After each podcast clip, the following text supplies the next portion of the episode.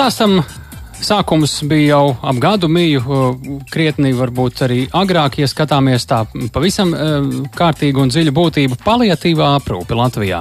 Diezgan smagā situācijā daudz cilvēku, kuriem ir nepieciešama dažāda veida palīdzība, un viena no šīm problēmām bija identificējusi arī Latvijas radio, nākot talkā, domājot tieši par vai skatoties tajā virzienā, kā varētu palīdzēt nu, vismaz ar to pašu akūtāko, piemēram, šķidrās pārtikas sagādāšanu palietīvās aprūpas mm, pacientiem. Un eh, akcija bija gana plaša, nauda tika savākta gana liela, eh, un arī tika saņemti solījumi no valsts par valsts iesaisti šajā stāstā, jo ne tikai pārtika vien ir vajadzīga. Nu, ko, tā kā valsts solīja apmēram uz šo laiku jau ieviest eh, jaunu kārtību vai vismaz skaidrību par to, eh, esam nolēmuši tematu aktualizēt un eh, šodien sazināties gan ar Ziedot LV pārstāvjiem, gan saimnes deputātiem, kas valstī tā teikt lika to darīt, un, protams, ka arī ar veselības ministriju, lai saprastu, cik tālu ir tikts. Šobrīd Rūta Dimanta, Ziedot LV vadītāja pie programmas pēcpusdiena klausos. Labdien! Labdien! Atgādinām cilvēkiem, kuriem nav saskari ar paliatīvo aprūpu ikdienā, kas, protams, ka ir nu, laba ziņa katram, kuram nav šī saskara, bet te pašā laikā, kas konkrēti ir šī paliatīva aprūpe, jo tie, kur nav saskārušies, var arī nezināt. Jā, tātad paliatīvā aprūpe ir um, nedziedināma slimu cilvēku aprūpe. Tad, kad mēs vairs nevaram īsti izārstēt, cienīgi eh, pavadīt eh, dzīves, eh, teiksim, atlikušo laiku. Citam tas ir īsāks, citam tas ir garāks, bet šos cilvēkus parasti cieno tas, ka viņi paši par sevi nespēja parū, parūpēties un pēc skaitā nespēja uzņemt pārtiku. Tāpēc tieši dot pieci pagājušajā gadā sabiedrisko mēdīju šī labdarības labdarības maratons vāca ziedojumus, lai palīdzētu palietīvās aprūpes um, slimniekiem tieši arī īpaši šķidrai pārtikai, tātad to, ko ievada caur īpašu zondi. Un, e, īsumā es varu teikt, ka katram e, šādam pacientam mēnesī tas e, izmaksā no 300 līdz 600 eiro. Un, ja šādas naudas nav, valsts to līdz šim nekompensē, tad e, cilvēks vienkārši var nomirt padā. Un, uh, kopumā es atgādināšu, saziedoju vairāk kā uh, 443 tūkstoši eiro šim mērķim un ziedot LV jau ir 30% no ziedojumiem izlietojas palīdzētu kopā vairāk kā 300 cilvēkiem, tieši palietīvās aprūpas cilvēkiem, gan ar pārtiku, gan citiem pakalpojumiem, kā higienas preces. Protams, mēs ļoti gaidām 1. jūliju, tātad šodien, šodien. kad tika solīts, jā, kā šķidrā pārtika, tātad medicīniskā pārtika, ko enterāli ievad caur zondi, tiks apmaksāta no valsts līdzekļiem. Nu, šodien tādu paziņojumu nav. Jā. Mēs zinām, interesējoties, ka tas varētu būt no 15. jūlija. Mm. To mēs uh, precizēsim runājot ar pašu veselības ministriju. Uh, kas tad ir tās lietas, kuras būtu jūsu skatījumā jāpaveic līdz šim brīdim valstī, lai jūs teiktu, jā, ir, ir izdarīts, ir pamatīgs solis uz priekšu? Mm. Nu, Pirmkārt, jā, mēs gribam redzēt, kā realitātē darbosies šīs sistēmas. Jāsaprot, cilvēki atrodas visā Latvijā, bieži vien ir kuļoši, pārsvarā, tātad ar zondi, e, kā viņi nokļūst pie ārsta, e, kurš nozīmē šo te e, enterālo pārtiku, kā viņi saņems tādu nu, skaidru algoritmu, kā tad kā tad saņemt šo šķidro pārtiku. Tā ir viena lieta. Un otra lieta, ko mēs gribētu, ka mēs neapstājamies tikai pie šīs šķidrās pārtikas, jo aprūpas pakalpojumi gan mājās, gan uh, stacionāros, teiksim, aprūpas centros var sasniegt līdz pat 1000 eiro mēnesī, tad higienas preces, transports. Tas visas lietas, ko cilvēks, kad viņš nedziedināms slims, viņš vairs nevar atmaksāt ne, ne no savas pensijas, parasti arī ne no, ne no savas slimības lapas. Un tādā cienīgu šo cilvēku dzīvi arī tad, kad viņš ir nedziedināms slims. Tā kā sākt ar, protams, šo šķidro pārtiku enterālo, tad turpināt, jo, nu, mēs to tikai nepārtiekam no pārtikas. Ir svarīgi arī atsāpināšanas un, un, teiksim, aprūp, emocionālais atbalsts. Ziedot LV pēc šī te, nu, 1. jūlija valsts, nu, kurš tad jūlijas būs, kad sāks sniegt valsts atmaksātu pārtiks turpināt noziedojumiem palīdzēt, um, tātad, lai ne, nebūtu pārtraukumi šajā te, šādās pārtiks piegādē cilvēkiem, kur tas ir nepieciešams. Bet no atlikušajiem ziedojumiem mēs turpināsim palīdzēt gan aprūpēt uh, aprūpas pakalpojums, apmaksāt higienas preces un ik viens, kuram ir mājās uh, tuvinieks, kurš ir um, nedēļām slims un kuriem ir vajadzīga palīdzība, droši var vērsties ziedot LV. Mums ir tāds sadaļa pieteikt palīdzību, kur ir anketa, kas ir ļoti vienkārši jāizpild, un mūsu kolēģis viņus sazinās un uh, sniedz šo palīdzību. Vēl kādam laikam tad uh, šo līdzekļu pietiktu, jā? Ja? Jā, tieši tā. Mm -hmm. Kas ir mainījies tāds blakus jautājums sabiedrības izpratnē, un varbūt arī ziedotāji ir atsaucīgāki un saprotošāki kopš šīs kampaņas, kas bija ap gadu mīju ziemā? Vai jūs teiktu, ka tā situācija mūsu sabiedrībā, kā mēs uztveram šo stāstu, ir krietni mainījusies, un vai tomēr nē, kā jūs to redzat? Es teiktu, ka tie, kas klausies Latvijas rādio un vispār sabiedriskos mēdījus, labāk izprot tos līdzcilvēkus, kuriem mājās ir šāds tendences, tādas slimas cilvēks. Mēs nemaz nevaram iedomāties, kā tas ir, kamēr ar mums tas nenotiek, un tas bija labi, teiksim, tādā informatīvajā izpratnē. Bet, kas, teiksim, ļoti priecējuši, ka tie cilvēki, kam mēs no visas sabiedrības ziedojumiem saziedotās naudas palīdzam, viņi ir tik patīkami pārsteigti, ka pilnīgi svešinieki viņiem ir ziedojuši. Un, sniedz šo palīdzību. Mēs saņemam tiešām uh, nu, pilnus tādas mīlestības, uh, sirsnības uh, pateicības, ko es gribētu nodot visiem nu, klausītājiem, kuri ziedojuši, ka šie cilvēki tiešām ļoti novērtē to atspaidu, ko sabiedrība ir devusi, nu, cerībā, ka nākotnē mēs to varēsim no saviem nodokļiem sekt šiem cilvēkiem. Vai šim nolūkam izskatās varētu būt vajadzīgi vēl papildus ziedojumi, kāda tā situācija ir, vai šobrīd tā valsts palīdzība pie apvāršņa ir pietiekami labi redzama jau? Pašlaik mums ziedojums šim mērķim ir, ja mēs ietu šādā te palīdzības sniegšanas tempā, kur, nu, teiksim, līdz šim ir 300 cilvēkiem, tad mēs vēl pusotru gadu noteikti ar saziedoto naudu tādu palīdzību varētu sekt. Tā kā tas paldies ziedotājiem, bet nu, e, tādas svarīgas lietas jau nedrīkstētu atstāt uz ziedotāju pleciem. E, katru ik pa laikam parādās kādas tādas lietas, kur mēs redzam, redz, tas nav sakts no nodokļiem, cilvēks pats to nevar teikt, tad mēs aicinām sabiedrību iesaistīties. Un te divi svarīgi aspekti. Viens ir, ka līdzcilvēks saziedoja, tātad nu, vairāk kā 440 tūkstoši, bet otrs, ka tas, es uzskatu, sabiedrības spiediens, ka mēs, kā, kā iedzīvotājs savu ziedojumu, pasakām, mums tas ir svarīgi, un mēs gribam arī, lai mūsu nodokļi tādam tiek novirzīti un risam. Šis ir izcinājums, un, prāt, ļoti labs, ka iesākam ar tādu ziedojumu mm. palīdzību, bet tomēr pēc tam pārņem valsts. Paldies tik tālu Rūtai Dimantai, Ziedot LV vadītājai. Noteikti, ja kāds vēlas, tad šo tematu var atrast arī Ziedot LV un joprojām ziedot. Kāpēc gan ne? Eh, bet uh, programmu pēcpusdienu turpinām, turpinām, eh, jo tam visam, kā mēs dzirdējām nojautām, bija atrasts dzirdīgas ausis arī politiķu aprindās. Nu, tulkojiet paši, vai tas bija sabiedrības spiediena dēļ vai kā citādi, bet tālāk jau tad tas ir lēmēji rokās, kā šo naudu likt, atrast, likt lietā. Saimas sociālo un darba lietu komisijas priekšsērētājs Andris Skrīda pie otras mūsu klausulas. Labdien! Uh, labdien! Kāds tad ir bijis šis laiks uh, politiķu uh, darba laukā, uh, skatoties uz šo kopš šīs akcijas un līdz pat šim brīdim? Kas bija tās lietas, ko deputāti darīja, ko nu, nezinu, uzdeva izpildvarē? Jā, deputāti mm, skatīja šos jautājumus komisijas sēdēs.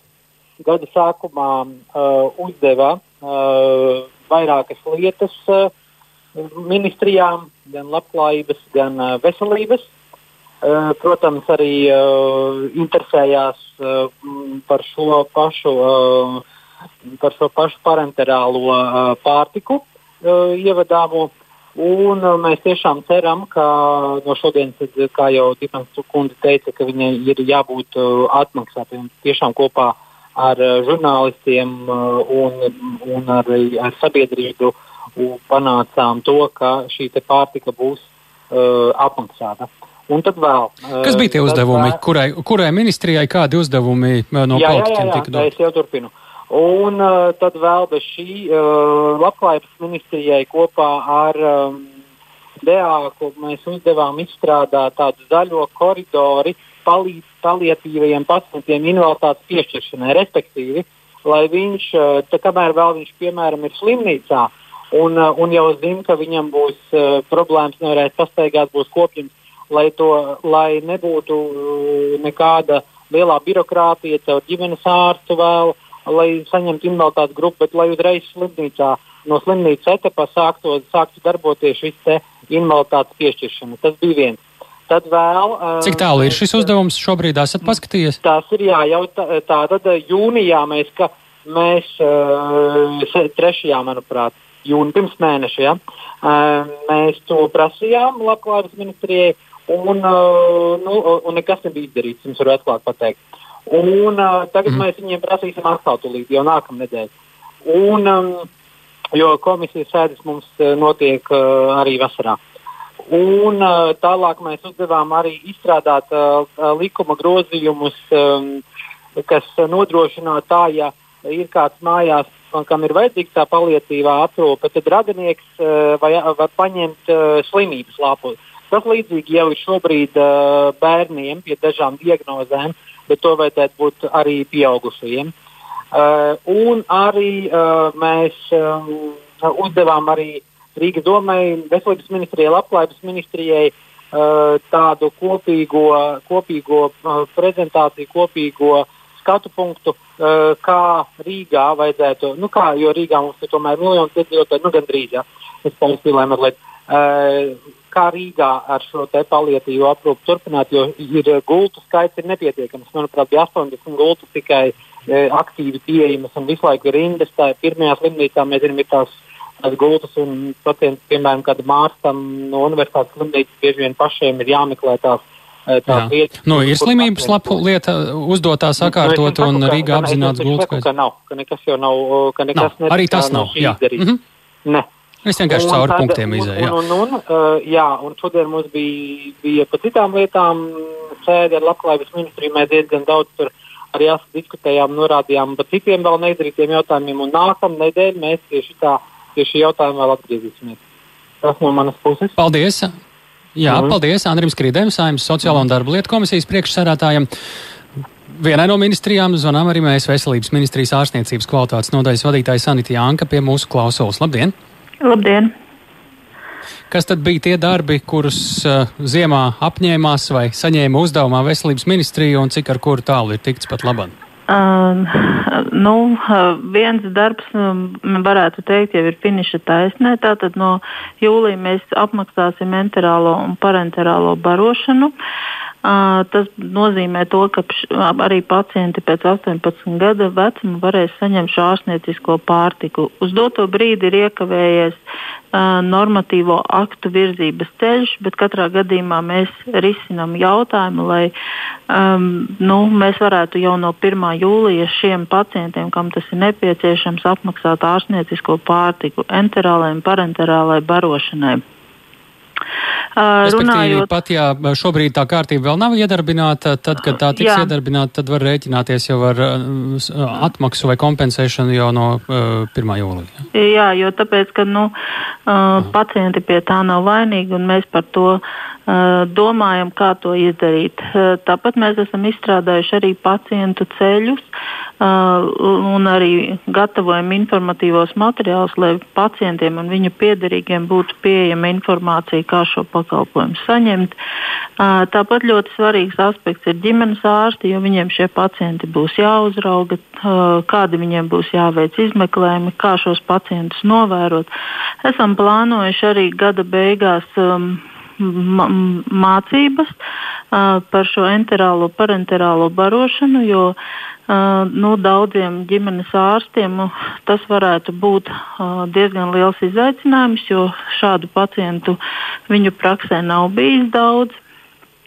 Kas attiecas par palietīvo aprūpi, tad kopā ar pašvaldības savienību un labklājības ministriju mēs gatavojam ziņojumu par palietīvās aprūpes attīstību un tam nepieciešamo finansējumu. Un šī gadījumā mēs esam skatījušies uz palietīvās aprūpes pacientu ne tikai no veselības aprūpes, bet arī no labklājības viedokļa un arī no sociālām vajadzībām. Un, um, esam domājuši arī, kā uh, šiem pacientiem saņemt visu nepieciešamo informāciju uh, par to, kur viņiem nokārtot, kā nokārtot, kas ir jāiesniedz. Uh, esam domājuši par mm, tādu kā pacientu koordinātoru, kurš palīdz šim pacientam uh, atrisināt šos jautājumus, gan pabalstu saņemšanā, gan ārstniecībā, gan arī um, slimības lapu vai invaliditātes nokārtošanai. Arī esam beiguši aprēķinus, cik tas maksātu ambulatorā aprūpē šādu pacientu ārstēšanu un arī uh, stacionārā aprūpē. Esam definējuši um, paliatīvās aprūpes līmeņus, tā kā nu, arī šis darbs virzās uz priekšu. Jā, nu, te mēs gan vairāk par to, ka kaut kas reāli sāks darboties, mēs dzirdējām par šo pārtiku un apmaksātu pilnībā. Lielākā daļa bija esam domājuši veikti aprēķini, Kad uh, ir nākamie termiņi, kurus jūs redzat, vai ap, aptuvenie laiki, kad kaut kādas lietas jau varētu iedarboties? Ģimenes ārstu uh, praksēs, uh, tāpat arī uh, šīs uh, citi procesi. Uh, ka, kas attiecas par apmācībām, tad tās būs uh, gada otrajā pusē.